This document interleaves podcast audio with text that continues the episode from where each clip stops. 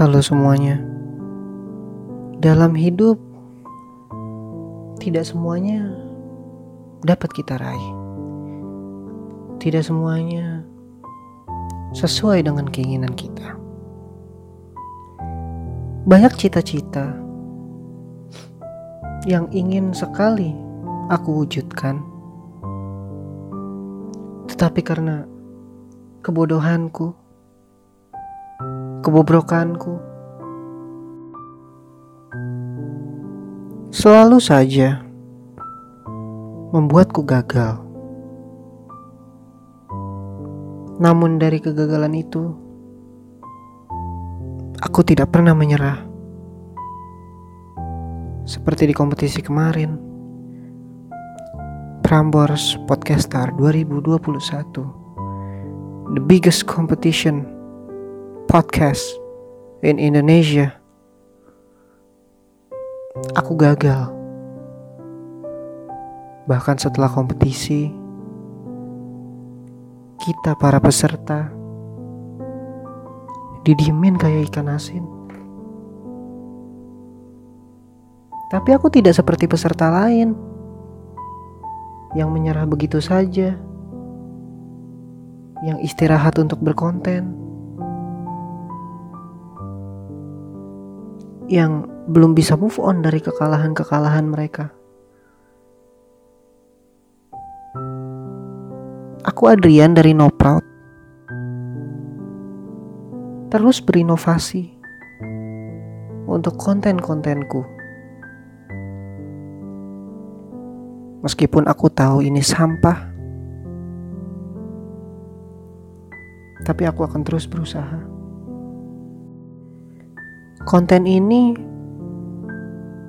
dibuat no proud dengan tujuan ingin menunjukkan ke podcast Mas Asia Network, ke Prambors, ke orang-orang di luar sana.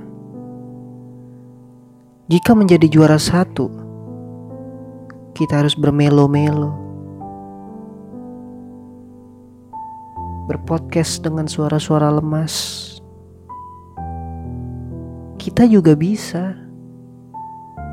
Kita bisa seperti itu. Jualan lilin. No proud bisa. Tapi apakah akan berhasil? Kita langsung saja. podcast ini akan menceritakan tentang ibu. Ibu pasti sudah tidak asing di telinga kalian. Kecuali anak-anak panti asuhan. Kecuali anak-anak yatim piatu. Mungkin asing untuk mereka. Ibu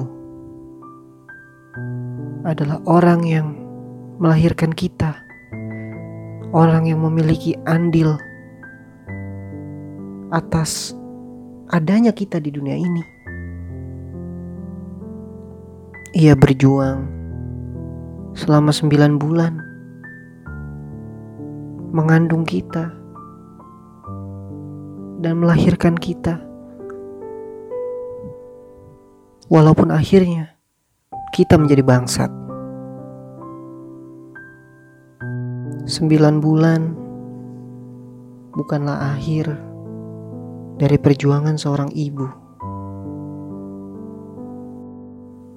Dia masih harus mendidik kita hingga kita dewasa. Harus datang ke sekolah ngambil rapot. Menyaksikan kegoblokan anaknya Bahkan setelah lulus kuliah, banyak dari kalian pasti yang masih nganggur. Jadi mau tidak mau, ibu kalian masih terus membiayai kalian sebagai sampah masyarakat. Setara bansos ya. Ibuku adalah orang yang menyayangiku dia sangat peduli kepadaku. Dia melayaniku bahkan sampai aku sebesar ini pun dia masih tetap melayaniku.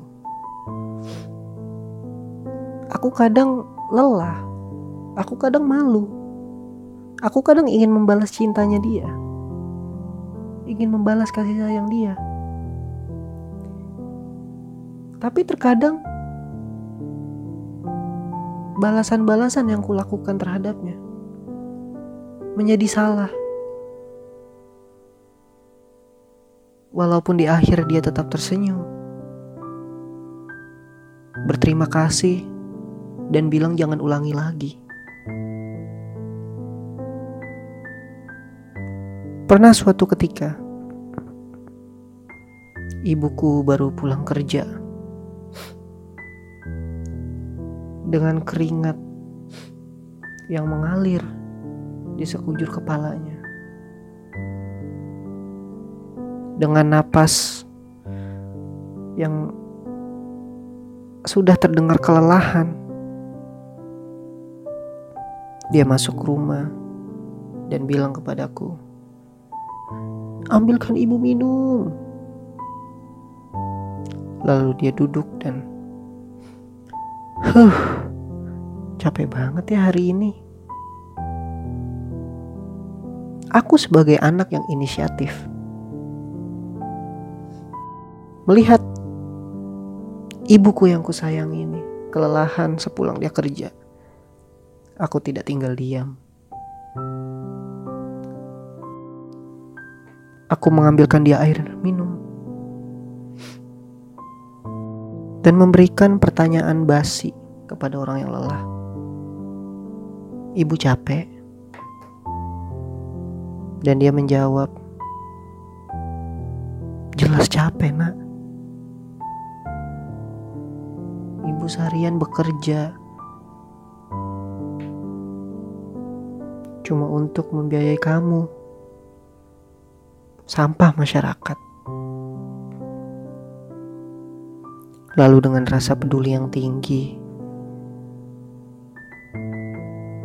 melihat ibuku yang kelelahan,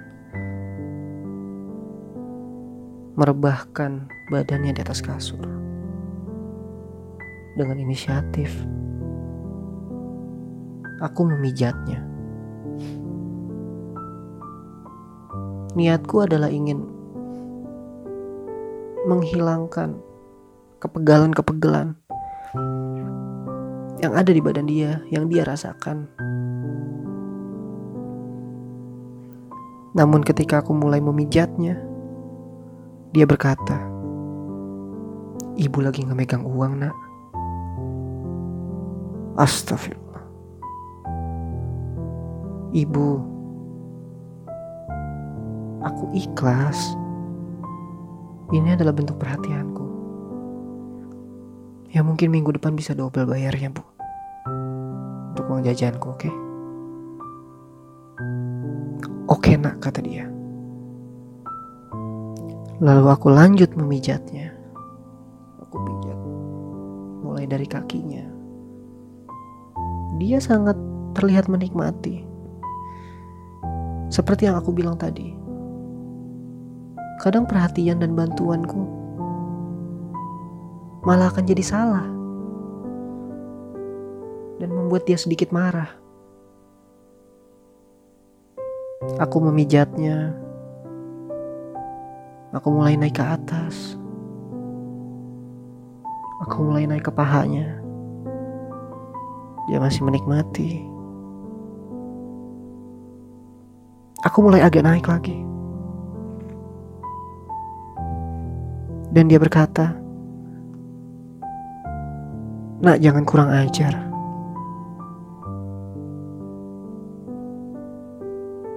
Aku membalas. Ibu jangan khawatir. Aku ini anakmu. Dan aku lanjut memijatnya.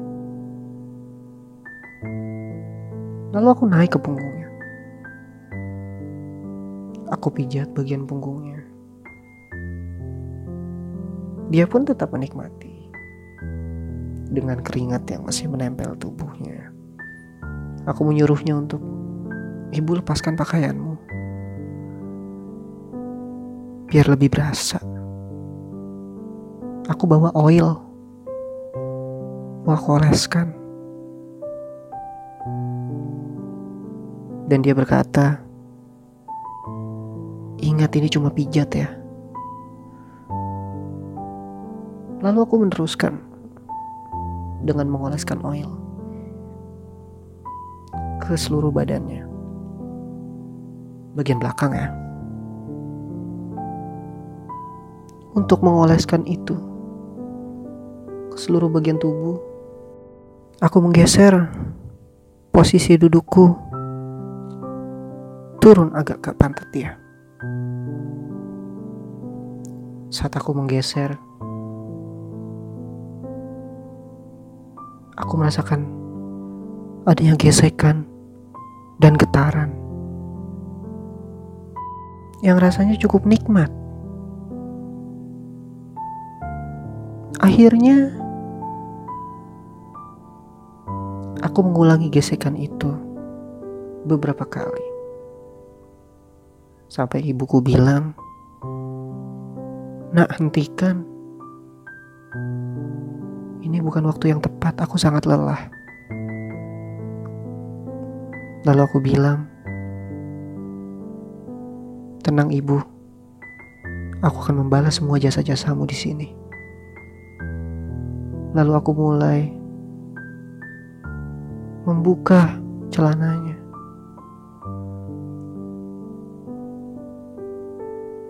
Aku mengoleskan dengan oil di bagian bokongnya. Sedikit aku remas dan ku dengar suaranya yang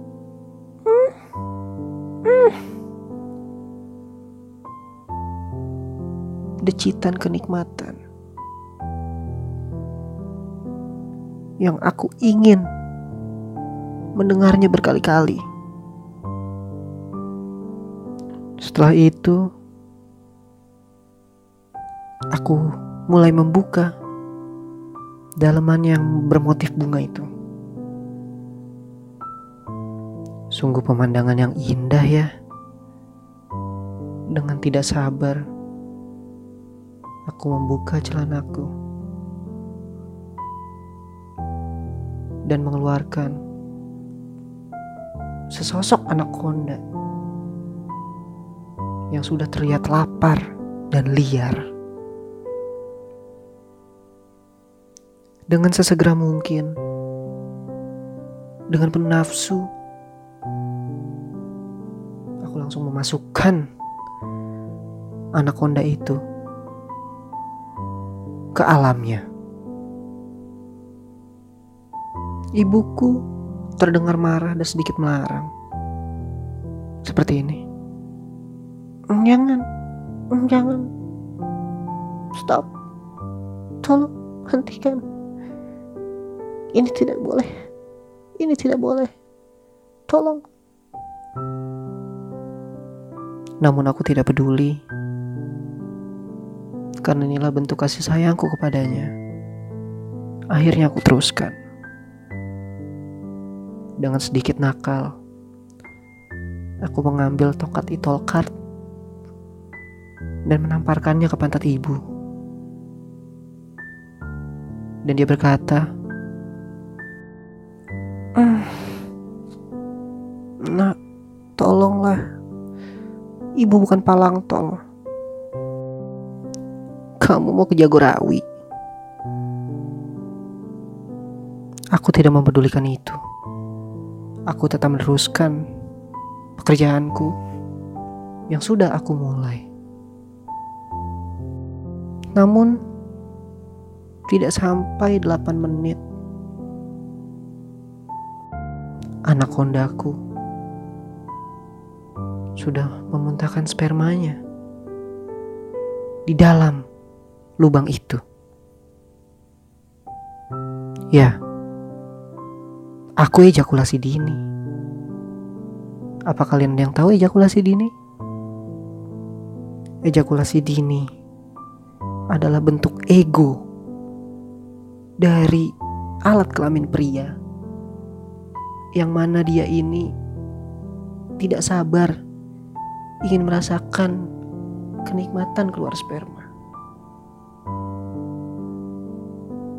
Balik ke cerita kita. Setelah keluar, ibuku berkata, "Terima kasih. Jangan ulangi lagi ya." Dasar anak nakal. Itulah kisahku dengan ibuku. Kadang bantuan-bantuan yang aku berikan kepada dia, rasa kasih sayang yang aku ekspresikan kepadanya, malah menjadi salah.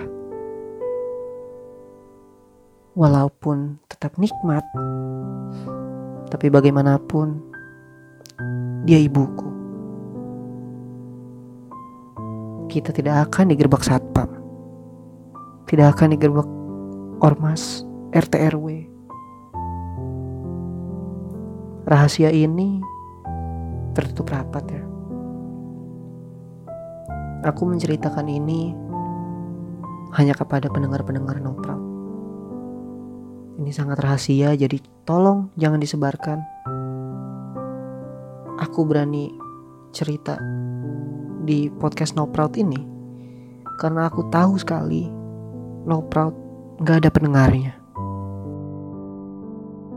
Itulah tadi seperti yang sudah saya katakan jika hanya bercerita-bercerita dengan back song yang piano-piano yang sedih-sedih. Noprot juga bisa. Dan Noprot membuktikan itu di konten ini. Dan untuk ke depannya, ini juga akan menjadi konten tetap di Noprot. Buat siapa pun yang ingin bercerita, silakan cerita di Noprot. Mungkin ke depannya akan ada cerita, cerita yang random dari teman-temanku dengan backsong backsong yang sedih-sedih ini. Jangan lupa follow No Proud di Instagram. Jangan lupa follow juga No Proud di Spotify. Dan jangan lupa juga untuk follow Andrian dan Bregas sebagai content creator di No Proud Podcast ini. Sampai jumpa di cerita selanjutnya. Bye.